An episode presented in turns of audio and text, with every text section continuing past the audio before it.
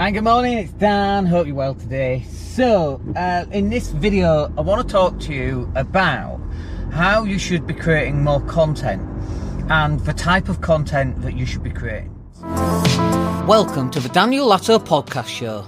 Fresh content covering business, investing, marketing, money, health, and more.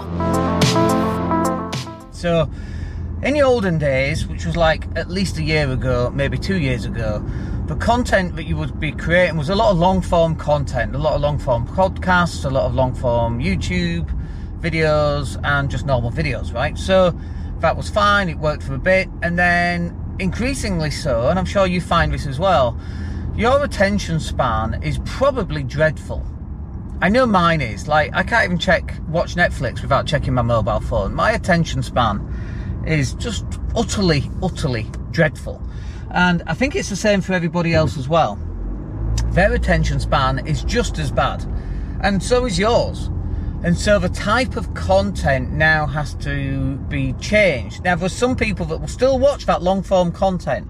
So I'm not saying that you remove the long form content, but you need some long form content, and in addition to that, you're going to need some short form content. Now, do you need to go out and just create short form content all on its own? You can do. That's one way of doing it. Might be a little bit more time consuming. But the other way of doing it is where you create a long form piece of content, like a podcast, maybe 20 minutes, 10 minutes even. And then from that, you pull out smaller extracts from that longer form piece of content. Now, obviously, that's fairly time consuming to do because you have to pull out you know, if you do 10 minutes, you have to remember, oh, this bit is 6 minutes 56, this is a good bit, I'll remember that. And then obviously you don't. So you have to re-watch your content and pull it out. So actually, which one is quicker? And I don't really have an answer for that. It just depends on what systems you've got in place and what you're more comfortable doing. Um, I know, for example, Russell Brunson, he just wrote um, 60 um, shorts. Uh, 60 headlines for his YouTube shorts, and then he recorded all 60. It took him a day. Um, for me, that would take like 60 minutes, one minute each, you know, bang, bang, bang, bang, bang. And I think that's really a better way of doing it is not spending a huge amount of time creating these 60 shorts or 30 shorts. You know, 30 shorts is one a day. You produce them in the morning and then um, you schedule them in the afternoon to go out one a day for the next 30 days. That's a really nice way of doing it. And actually, we're usually a couple of days ahead on our content, and we were shipping out a lot of content right now anyway. Um, and we're trying to get ahead. We're trying to get to uh, like a week ahead.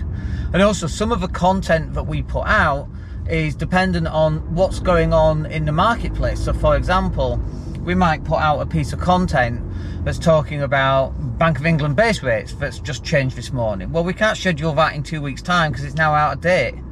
Uh, we scheduled a piece of content this morning which talked about Shopify, how they've now added um, a thing on their meetings so you can now allocate, uh, you can now work out how much each meeting has actually cost. Nice, nice bit of kit, nice bit of software. Um, but we couldn't release that in two weeks because that would be out of date as well. So we, you know, we get that bit of information, we write an article about it, and then we ship it out, and that goes out the next morning. It's gone out this morning. We wrote the article yesterday. So you've got to work out what sort of content is um, evergreen as such. And by the way, evergreen, two things. One is it means you can reutilize that content in a year, five years, because it's not dependent on the time. And second of all, when you're creating evergreen content, it means that you can reuse it again in another year's time. So you can reuse it today, you can reuse it in six months, and you can reuse it in uh, a year's year's time as well. And having a combination of evergreen type of content plus latest news type of content, all of that stuff will work really well for you. So with your content, then you need evergreen content, you need newsworthy content, you need long form podcasts and videos.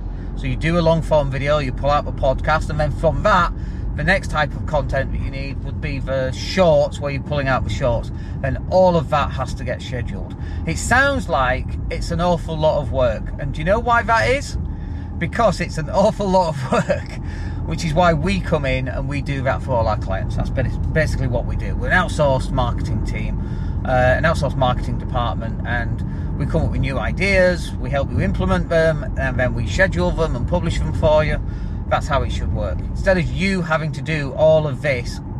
Now, do you think it's not worth it? Well, it depends on how much you value your business. You know, we've had these conversations quite a bit, haven't we? Where we're like, you either do this and you get seen and you get noticed and you close business and you drive more traffic and you make more money, or you don't. Like, how else are you going to get your head above to get seen? You're not. So your business is going to basically fail because your competitors are doing this stuff. Even if you're not, your customers are seeing your competitors do this stuff. Guess where your customers are going to end up going? It's like a do or die in your business. If you don't do this, your business is going to die. There's no question about it. This is what uh, business looks like in 2023 onwards. Gone are the days where you place an advert in the yellow pages. Long gone. I don't think that's coming back anytime soon. Content is where it's going to be, and if you're not on that bandwagon, uh, your business is going to fail.